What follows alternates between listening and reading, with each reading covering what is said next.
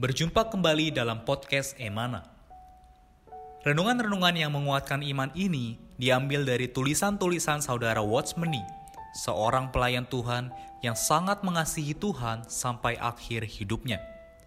Semasa hidupnya, Tuhan memakai saudara Watchmeni untuk menyingkapkan banyak terang dan wahyu Alkitab. Di antaranya adalah mengenai salib, mengenai Kristus sebagai hayat, juga mengenai kesatuan tubuh Kristus. Kami berharap kehadiran podcast Renungan Emana, khususnya di masa pandemi virus hari ini, dapat menghibur dan menguatkan iman Anda. Podcast Renungan Emana dapat Anda dengarkan melalui aplikasi Emana dan Spotify. Anda dapat menghubungi kami pada nomor hotline Emana di 0851 5677 2397. Sekali lagi Anda dapat menghubungi kami pada nomor hotline Emana di 0851 5677 2397. Buku-buku saudara Watchmeni secara lengkap dapat Anda peroleh di toko buku Yasmerin, Tokopedia, Google Playbook, atau di website resmi yasmerin.com. Selamat menikmati seri renungan hari ini. Salam damai sejahtera, saudara-saudari sekalian. Saudara-saudari pendengar podcast Emana, syukur kepada Tuhan kita bisa kembali lagi membahas renungan firman Tuhan hari ini. Puji Tuhan dengan saya sendiri Yoki, kita akan sama-sama membahas satu topik dengan judul Hidup dalam Persekutuan yang diambil dalam buku karya saudara Watchmeni. Baik, untuk itu kita langsung saja berbincang bersama narasumber kita. Halo saudara Kenny, apa kabar saudara? Halo Yopi, puji Tuhan, masih ada berkat Tuhan dan belas kasihannya. Hari ini kita bisa bersama-sama dengan para pendengar Emana hmm. untuk membahas satu topik hmm. yang perlu kita berlatih, yaitu hmm. hidup di dalam persekutuan setiap hari. Semoga melalui uh, pembahasan kita hari ini, kita semua dibawa oleh Tuhan ke dalam persekutuan yang lebih dalam, lebih hmm. manis, sehingga kita mengenal Tuhan hmm. lebih sungguh-sungguh lagi. Hmm. Ya, puji Tuhan. Di dalam Ibrani pasal 4 ayat 16 di sini dikatakan sebab itu marilah kita dengan penuh keberanian menghampiri tahta kasih karunia supaya kita menerima rahmat dan menemukan kasih karunia untuk mendapat pertolongan kita pada waktunya. Nah, dari ayat ini apa pandangan Saudara Kenny? Ayat ini sungguh satu ayat yang sangat uh, buat saya adalah satu ayat yang saya sukai ya. Karena di ayat ini mengajarkan kita, memberitahu kita, bahkan memberikan satu kabar sukacita pada kita bahwa kita bisa atau kita boleh, kita berhak untuk menghampiri tata kasih karunia bukan dengan uh, ketakutan. Ya, hari ini kalau kita tahu kita datang kepada tahta kepada satu uh, singgah sana kita pasti penuh ketakutan atau penuh kes, keseng, apa ya keengganan mm-hmm. atau segan tetapi ayat ini berkata marilah kita dengan penuh keberanian mm. menghampiri tahta kasih karunia mm. kenapa demikian karena di ayat sebelumnya dikatakan kita memiliki imam besar mm. yang mengerti akan keadaan kita karena itu kita tidak perlu takut, kita perlu dengan keberanian. Namun saya ingin menambahkan ada kalimat penting atau frase kata yang penting dari ayat ini, yaitu dikatakan dengan penuh keberanian menghampiri tahta kasih karunia. Nah, kata menghampiri di sini dalam bahasa aslinya adalah kita perlu mendatangi atau kita perlu mendorong diri kita mendekat kita perlu atau menarik diri kita hmm. mendekati. Hmm. Dan proses menghampiri, mendatangi, mendatangi ini bukan proses sekali, tetapi adalah terus menerus, hmm. setiap hari. Hmm. Sehingga kita baru bisa mendapatkan pertolongan, mendapatkan hmm. rahmat, hmm. menemukan kasih karunia, mendapatkan pertolongan kita pada waktu. Hmm. Jadi melalui ayat ini mengajarkan pada kita kita hmm. perlu ada satu doa persekutuan. Hmm. Tapi doa persekutuan ini perlu kita lakukan setiap hari. Hmm. Semakin okay. hari semakin dekat kepada Tuhan. Hmm. Semakin hari semakin dekat pada tahta kasih karunia hmm. di Tuhan. Puji Tuhan, kita perlu memiliki doa persekutuan dan doa persekutuan yang terus-menerus setiap hari. Ya, Amin. Ya di dalam buku ini Saudara Watchmeni berkata, doa persekutuan kelihatannya agak serupa dengan yang disebut doa ibadah atau meditasi. Namun ada satu perbedaan yang sangat besar. Beberapa orang yang rutin beribadah atau berdoa meditasi tidak memiliki kontak dengan Tuhan dalam kehidupan mereka sehari-hari. Juga mereka tidak hidup dalam persekutuan dengan Tuhan. Sebaliknya, mereka hanya melaksanakan meditasi rohani pada waktu tertentu. Namun, doa yang kita bicarakan bukanlah seperti itu.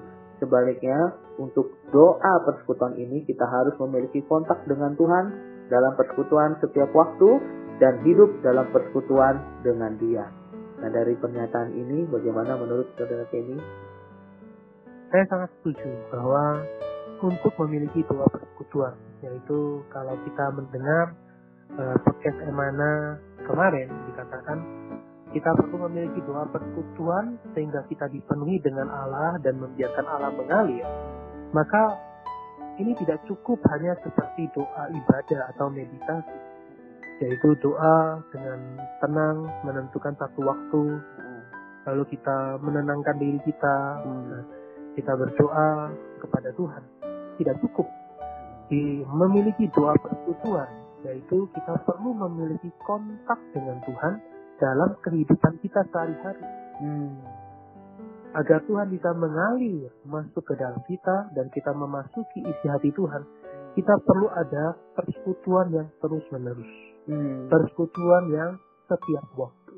Hmm. Persekutuan yang semakin hari semakin dalam, Hmm. semakin hari semakin dekat.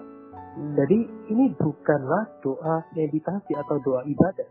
Ini adalah doa persekutuan setiap waktu dan hidup.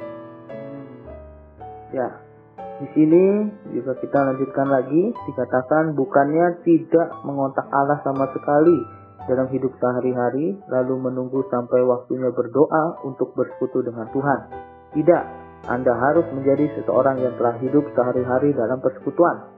Namun karena Anda merasakan bahwa persekutuan sehari-hari Anda masih tidak cukup mendalam, belum cukup menyeluruh, jadi Anda ingin menyisihkan satu waktu tertentu untuk mencari dengan seluruh diri Anda dan dengan tulus menginginkan persekutuan yang lebih mendalam dengan Tuhan. Beberapa orang tidak sungguh-sungguh dalam persekutuan hidup mereka sehari-hari.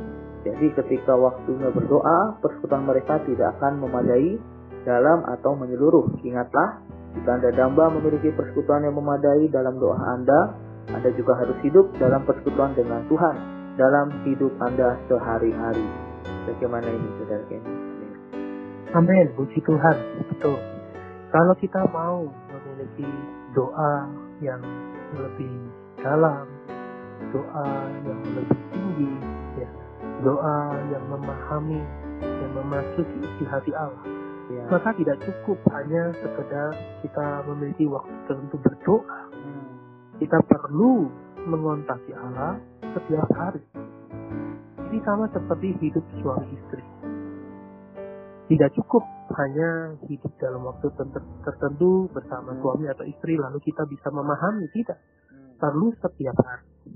Perlu ada kontak, perlu ada komunikasi, perlu ada saling menatap, perlu ada saling mengenal. Hmm. Dan ini prosesnya adalah setiap hari, setiap waktu. Hmm. Semakin hari, semakin kenal.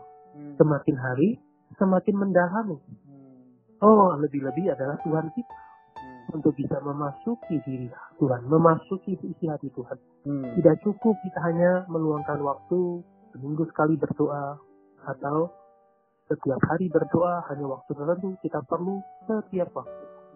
Karena itu kita perlu belajar teladan-teladan di dalam Alkitab. Kalau kita membaca kitab Mazmur, ada banyak doa-doa singkat yang dimulai dengan nama Ya Tuhan. Sebenarnya kalau kita mau berlatih, memahami bahwa ini persekutuan setiap waktu pada Tuhan, kita bisa memanggil, oh Tuhan Yesus, memanggil ya Tuhan Yesus. Dengan demikian kita akan ada persekutuan yang terus menerus. Sehingga ketika kita ada waktu tertentu kita berdoa, maka doa kita tidak lagi doa yang seperti sebelumnya. Hmm. Doa kita adalah doa yang memadai, doa yang dalam, doa yang bisa memasuki isi hati Tuhan. Amin. Amin. Ya, kita perlu damba ya. Dengan Ya. bagaimana memiliki persekutuan yang memadai dalam doa. Jadi dikatakan bukan hanya meluangkan waktu, tapi damba untuk terus bersekutu dalam hidup kita sehari-hari. Amin. Tuhan. Kita lanjutkan lagi. Selain itu, yang disebutkan doa ibadah, meditasi, sekedar menekankan manusia datang ke hadapan Allah untuk menguji diri dan untuk memohon. Jadi perhatiannya sebagian besar adalah usaha manusia. Namun, jenis doa yang kita bicarakan sepenuhnya bukanlah usaha manusia untuk perbaikan diri karena ini tidak menuntut penguji diri manusia atau permohonan manusia. Sebaliknya, Hmm. ini adalah menenangkan seluruh diri kita dari bagian paling dalam dari diri kita di hadapan Tuhan agar kita bisa memiliki kontak dengan Tuhan. Ini bukanlah bergantung pada diri kita untuk memohon kepada Tuhan berulang-ulang. Sebaliknya, ini adalah memberikan Tuhan beroperasi dan bergerak di dalam kita, menginfus kita, menjenuhi kita, menuntut kita, dan menundukkan kita agar kita bisa diremukan, dikuasai, dan dimiliki. Nah, apa ini maksudnya ya, Saudara Kendi? Berdoa Hmm. memang perlu ada satu sikap yang aktif. Hmm. Karena itu akhirnya dikatakan kita perlu menghampiri dengan penuh keberanian menghampiri. Tapi ketika dikatakan menghampiri, maka dilanjutkan supaya kita menerima. Hmm. Jadi di sini di Ibrani pasal 4 ayat 16 dikatakan doa persekutuan adalah doa yang terus menerus makin dekat yaitu perlu setiap hari, setiap waktu. Lalu tidak cukup hanya aktif, kita juga perlu dengan tenang menerima kasih karunia, rahmat. Kita mendapatkan pertolongan. Nah inilah yang disebut, inilah yang membedakan antara doa meditasi dengan doa persekutuan. Doa meditasi dikatakan adalah kita menguji diri kita. Kita mengkalibrasi diri kita dengan diri Tuhan. Hmm. Ada nggak hal yang kita tidak benar? Ada nggak diri kita yang tidak sepatutnya? Kalau kita membereskannya, kita mem- membenahi diri kita. Tapi yang Tuhan menghendaki kita adalah supaya kita bisa mendapat pertolongan pada waktunya. Kita perlu ada doa yang bersekutu dengan dia. Doa yang aktif datang pada dia. Lalu kita juga perlu pasif menerima. Artinya kita bukan bukan gerasak tusuk, tapi kita perlu tenang, duduk, membiarkan Tuhan berbicara. Kadang Tuhan pembicaraan Tuhan bisa menerangi kita. Kadang pembicaraan Tuhan eh, membuka mata kita sehingga kita memahami maksud hatinya. Kadang firman Tuhan seperti pedang yang bermata dua, pedang yang tajam bermata dua, memisahkan roh dan jiwa, membawa kita mener, membawa membereskan segala perkara yang tidak benar di atas diri kita. Hmm. Dia menuntut kita, dia menundukkan kita, dia meremukkan kita, dia menguasai kita, dia memiliki kita. Hmm. Doa yang demikian adalah doa yang mendapatkan Allah ke dalam kita dan kita ke dalam Allah. Inilah doa persekutuan. Hmm. Jadi, sebagai kesimpulannya, saya ingin menekankan bahwa hari ini kita perlu membangun doa persekutuan, Hmm. yaitu doa yang datang kepada Tuhan dan doa yang membiarkan Tuhan datang kepada kita. Dan ini tidak cukup dilakukan hanya waktu-waktu tertentu. Ini perlu dilakukan setiap hari, setiap waktu. Amin. Karena itu marilah kita membangun setiap hari ada satu persekutuan yang manis dengan Tuhan. Kita boleh mulai dengan doa singkat. Tuhan Yesus, aku mengasihi. Tuhan Yesus, aku perlu diri. Tuhan Yesus, aku terbuka pada.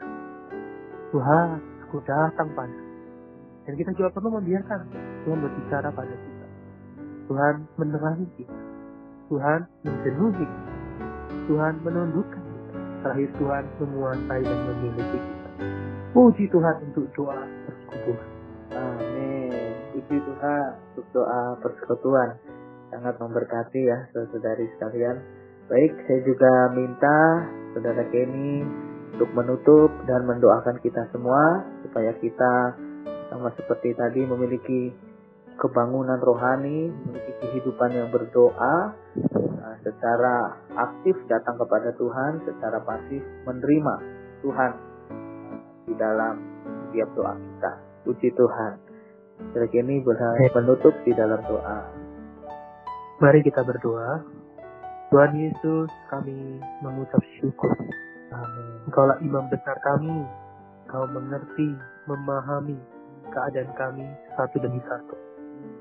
Tuhan, Engkaulah imam besar yang tahu bagaimana berdoa yang tepat. Ya. Karena itu Tuhan ajarkan kami bagaimana kami bisa memiliki doa persekutuan yang tidak putus-putus. Doa persekutuan setiap hari. Sehingga Tuhan kami dibawa dari doa pada satu tingkat kepada doa pada tingkat yang lebih dalam. Tuhan bukan dengan usaha diri kami sendiri. Kami tahu kami tidak sanggup. Tapi Tuhan kami punya imam besar kami. Engkau yang akan menolong kami. Engkau yang akan berbicara pada kami. Engkau yang akan beroperasi bergerak, bekerja di dalam kami.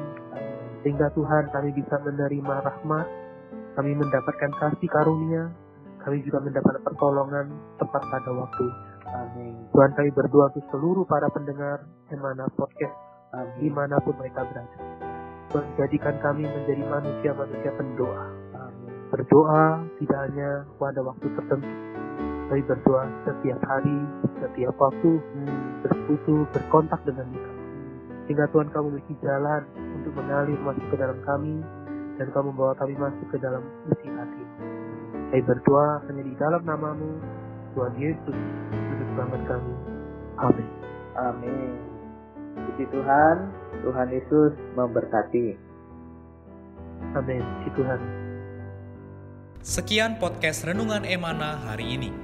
Kami akan kembali pada seri berikutnya Anugerah dari Tuhan Yesus Kristus dan kasih Allah dan persekutuan Roh Kudus menyertai kita semua.